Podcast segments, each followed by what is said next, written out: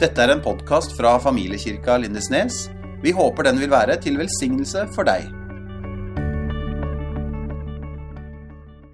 Som Jesus, det er jo en eh, overskrift som inspirerer, og en overskrift som er utfordrende, og som er veldig, veldig viktig.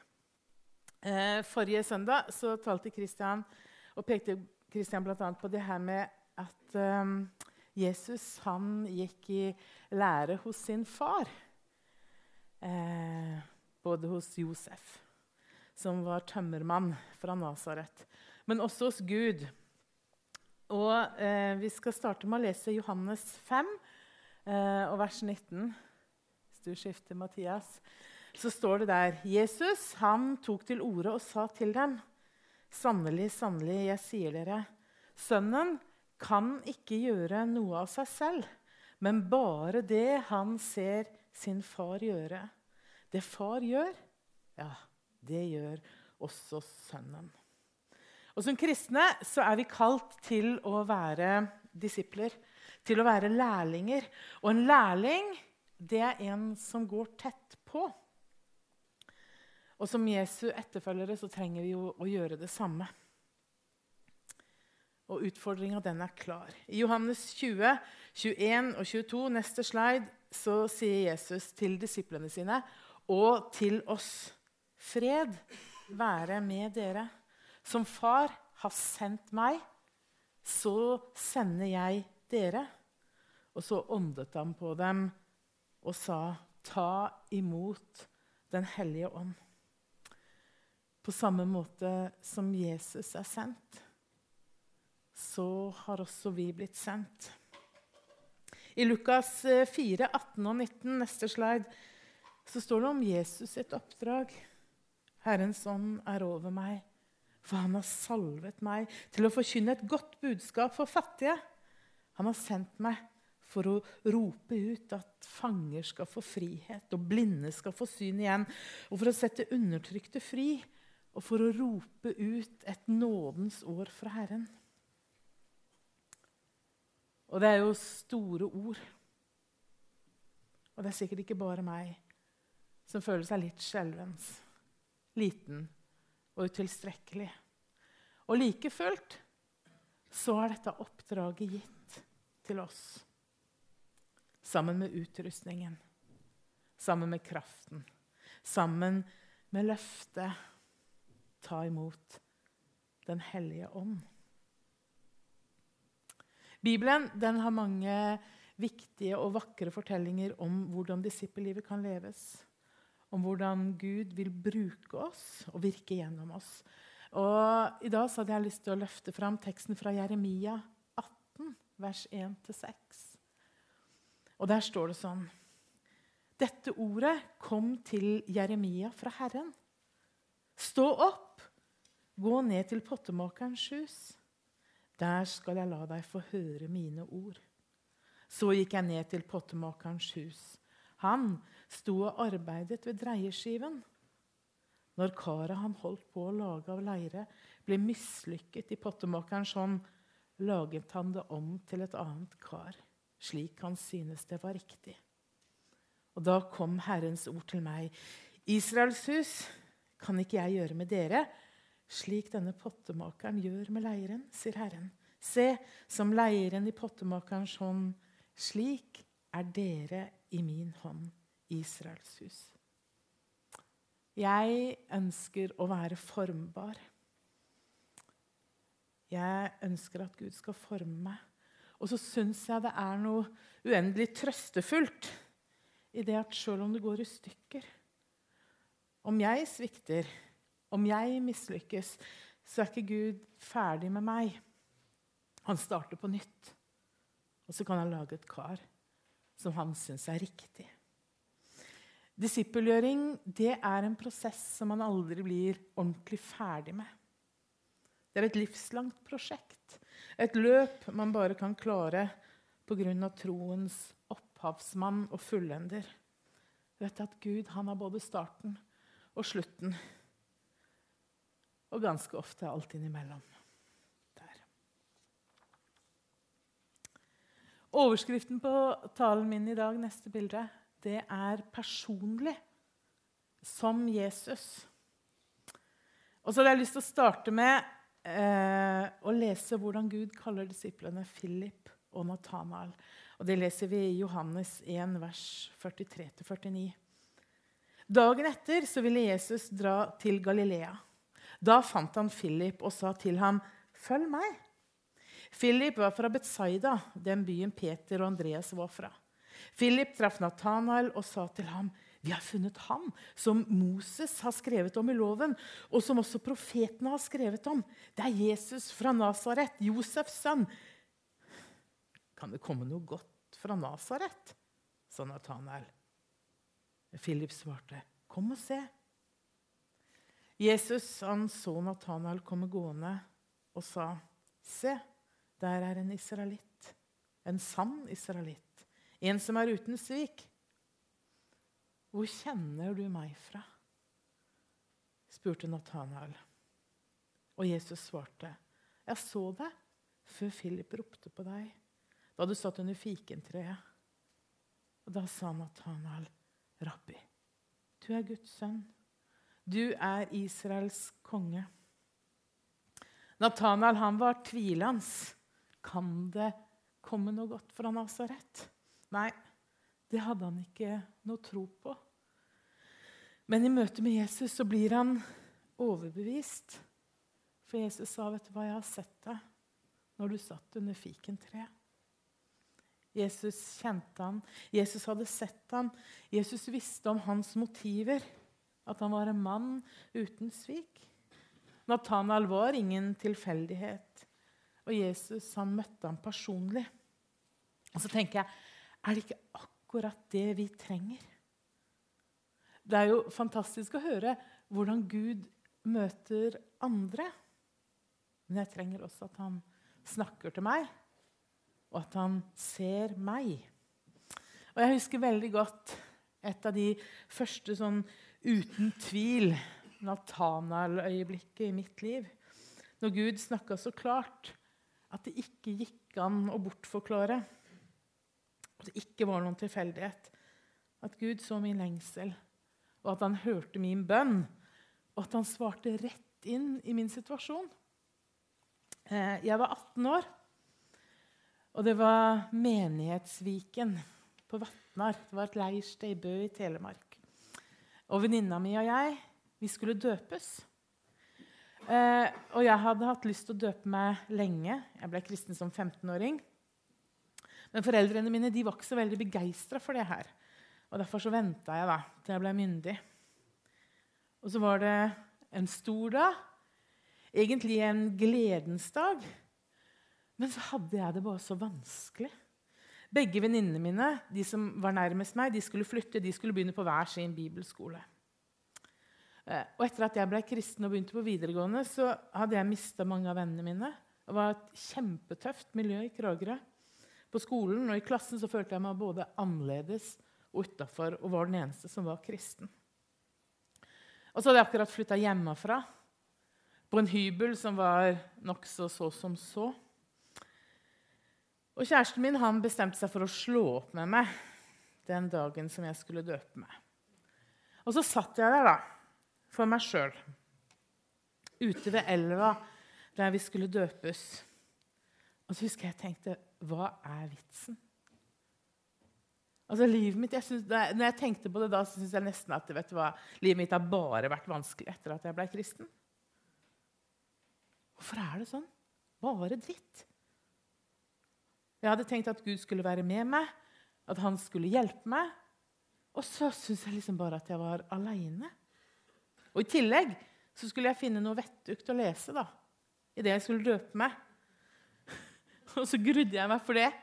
Og så hadde jeg ikke peiling på hva jeg skulle lese. Og så åpner jeg bare Bibelen sånn som man ikke skal gjøre, og setter fingeren på et bibelvers. Og da slo jeg opp i Jobbs bok.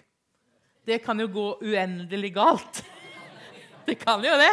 Men det gjorde det altså ikke.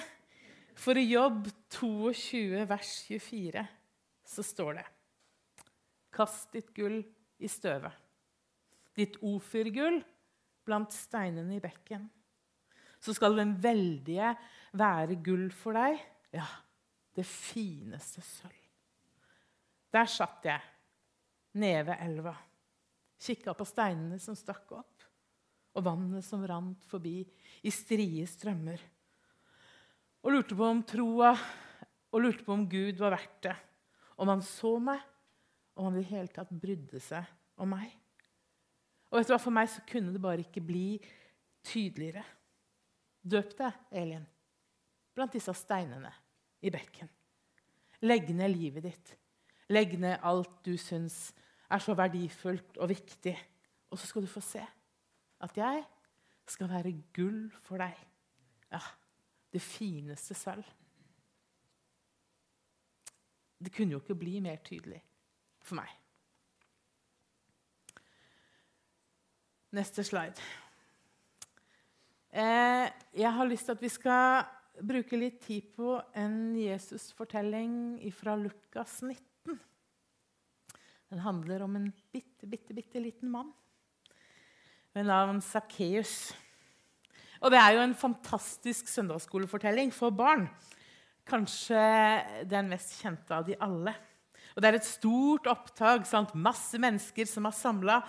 Eh, de går gjennom byen fordi det kommer en som alle vil se. Det er en kjendis. Og så har vi skurken Sakkeus, som også gjerne vil få med seg det som skjer.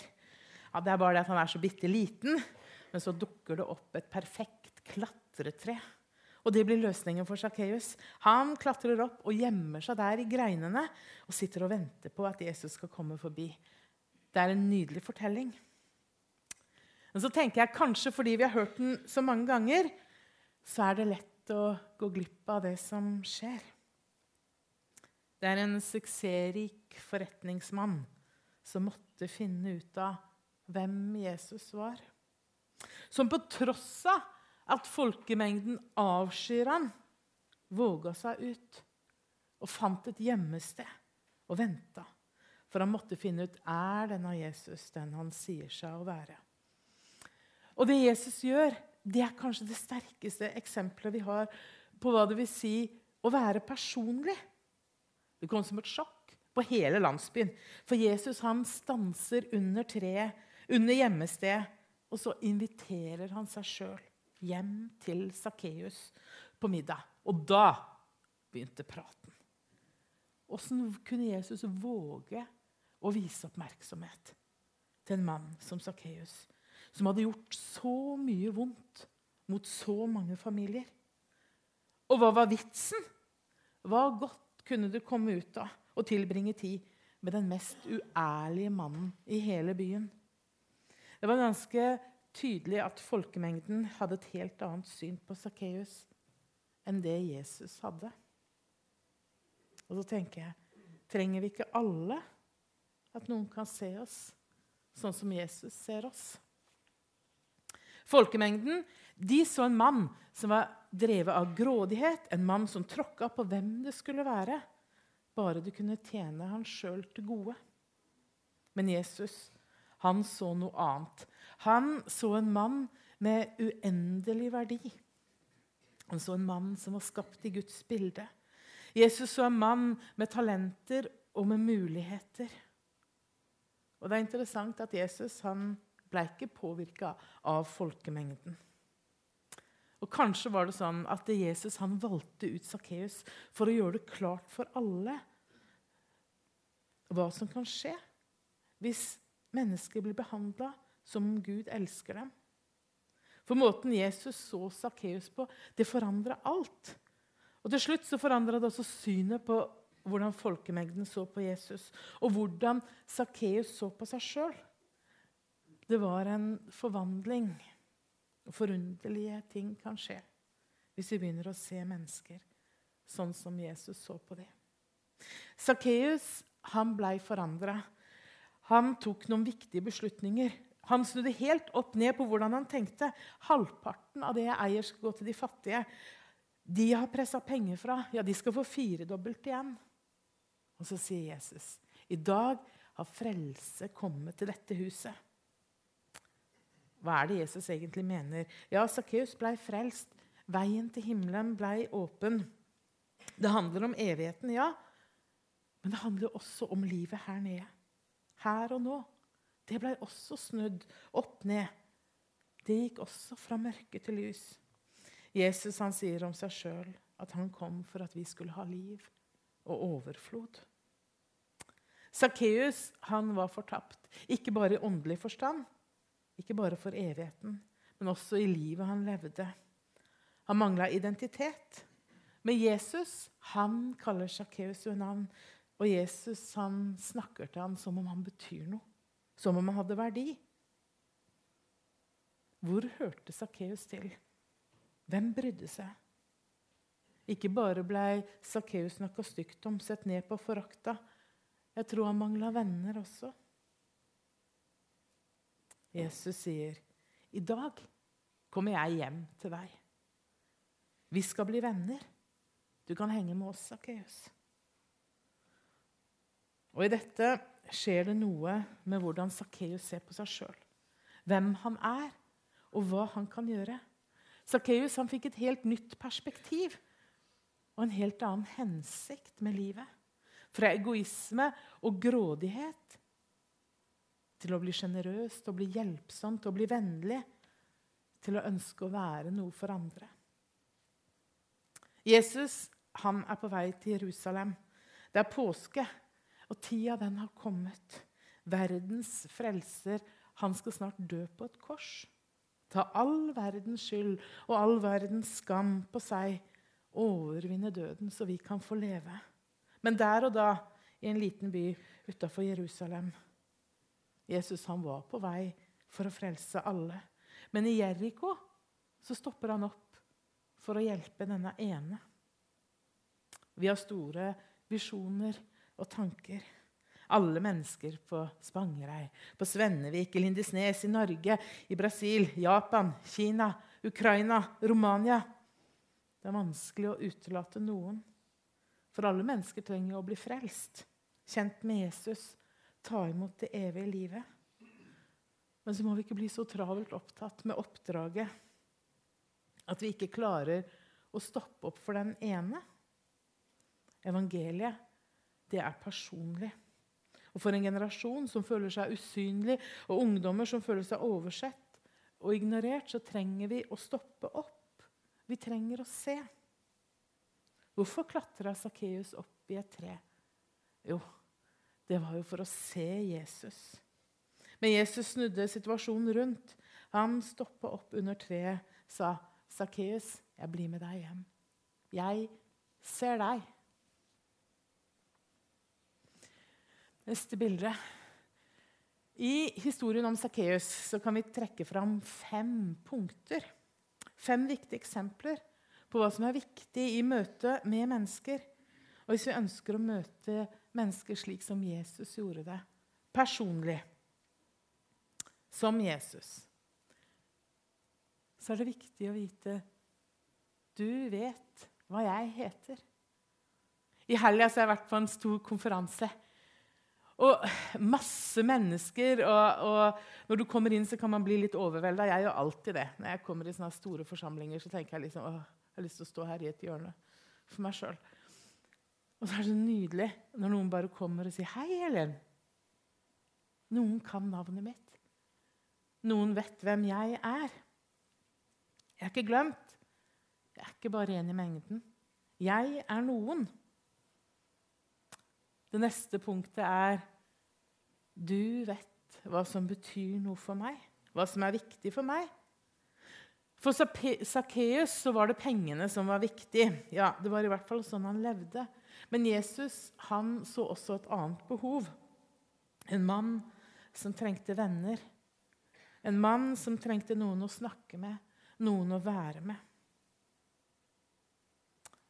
Neste punkt. Du vet hvor jeg bor. Da Jesus ble med Sakkeus hjem, så fikk han en smakebit av Sakkeus sitt liv, sin hverdag, sin bakgrunn, omgivelsene. Og det kan gi oss større forståelse og medfølelse. Vise oss noe om hvordan det er å gå i dette menneskets sko og vite hvor de bor. Du vet hva jeg har gjort. Alle så bærer vi på hemmeligheter. Noe vi kjemper med, noe vi kanskje ikke helt klarer å sette ord på. Kanskje noe som får oss til å føle oss verdiløse. Jesus visste fordi han er Jesus. Du og jeg vi trenger kanskje litt mer tid for at mennesker skal tørre å åpne seg.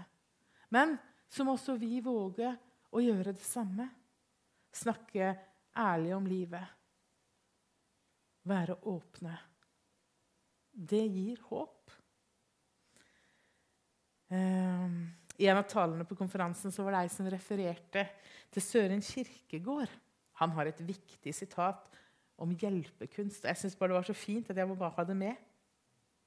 At man, når det i sannhet skal lykkes en at føre mennesker hen til et bestemt sted, først og fremst må passe på å finne ham der hvor han er, og begynne der. Dette er hemmeligheten i all hjelpekunst. Det siste punktet. Du vet hva jeg kan gjøre.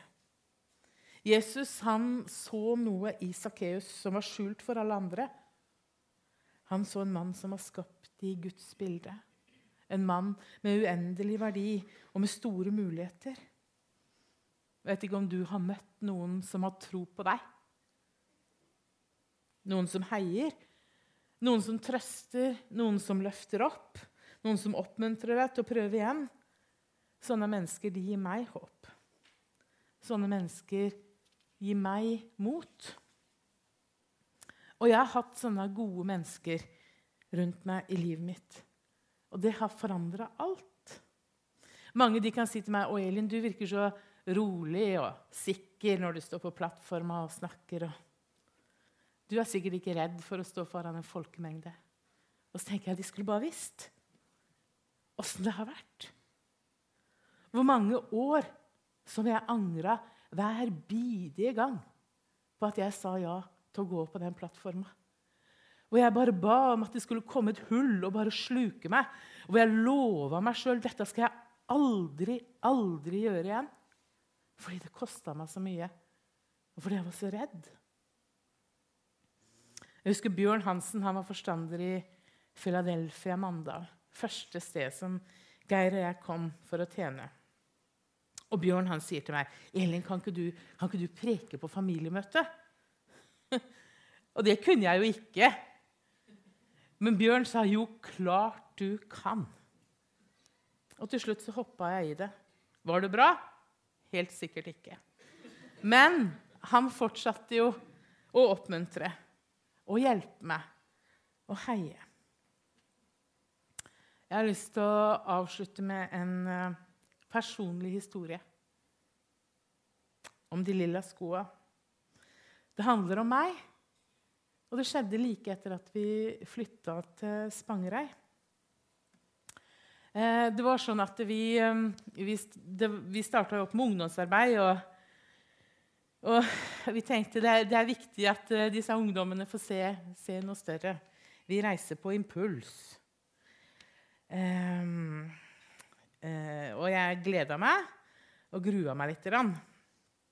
Og så var det sånn at uh, rett før vi skulle reise, noen uker før vi skulle reise, så plutselig så ble jeg bedt med den venninnegjengen fra Jørpeland til kvinnekonferansen. Og plutselig så var det ikke gøy i det hele tatt å skulle på impuls. Å ligge på gulvet i et klasserom med en gjeng med bråkete ungdommer. Og så tenkte jeg på forrige konferanse, da, som jeg hadde vært på kvinnekonferansen. Og Der hadde venninna mi Jeanette hun hadde blitt plukka ut blant over 1000 damer. Sant? Hun som sto og prekte på plattforma, hun sa bare 'Du der!' Oppe på galleriet. Og, og pekte på Jeanette og beskrev hvordan hun så ut. Sant? Og så fikk Jeanette bare den mektige profetien. Og så tenkte jeg ja, dit skal de og kose seg og bli møtt av Gud. Sånne ting kommer aldri til å skje med meg. Og så var jeg lei meg og litt mismodig. Og så tenkte jeg hva får jeg egentlig til? Hva blir det egentlig ut av dette arbeidet med ungdommene? Jeg kjente meg ganske liten, ganske verdiløs. så kom dagen hvor vi skulle reise. Og plutselig eh, så fikk jeg bare så for meg at eh, jeg hadde kjøpt en ny sånn brun kjole. Og så tenkte jeg der passer de lilla skoa helt perfekt. De lilla skoa de hadde jeg lagt vekk, for de var egentlig litt for trange. Men så fikk jeg det bare så for meg at jeg, jeg skal på impuls skal jeg i hvert fall ha de lilla skoa. Og jeg leita, leita, jeg leita faktisk så lenge på de lilla skoa at jeg var den siste som kom til bussen. Ja. Jeg vet ikke om du husker det, Janet? Jeg tror det var du som kjørte. Ja. Men de lilla skoa var ved, så jeg var klar for konferanse. Å, jo da. Og på IMI, da Ungdommene de skulle sitte nede. Det var liksom ingen stoler i salen. De skulle sitte på gulvet nede og digge. og Det var, det var liksom skikkelig sånn der. Jeg var ikke blitt 30 år ennå, men da følte jeg, jeg følte meg litt sånn gammel og sliten. Så jeg, den, den, kvelden satt jeg meg oppe på, oppe på galleriet. Og så plutselig så kommer det fram noen som har fått et kunnskapsord. Og så sier de det er en her med lilla sko. De har bare fått lilla sko. Du må komme fram til plattforma, eh, for vi har et budskap til deg. Og det var ikke noe å lure på, for de lilla skoa var så lilla som det der. Og eh, eh, hilsenen, den var lang.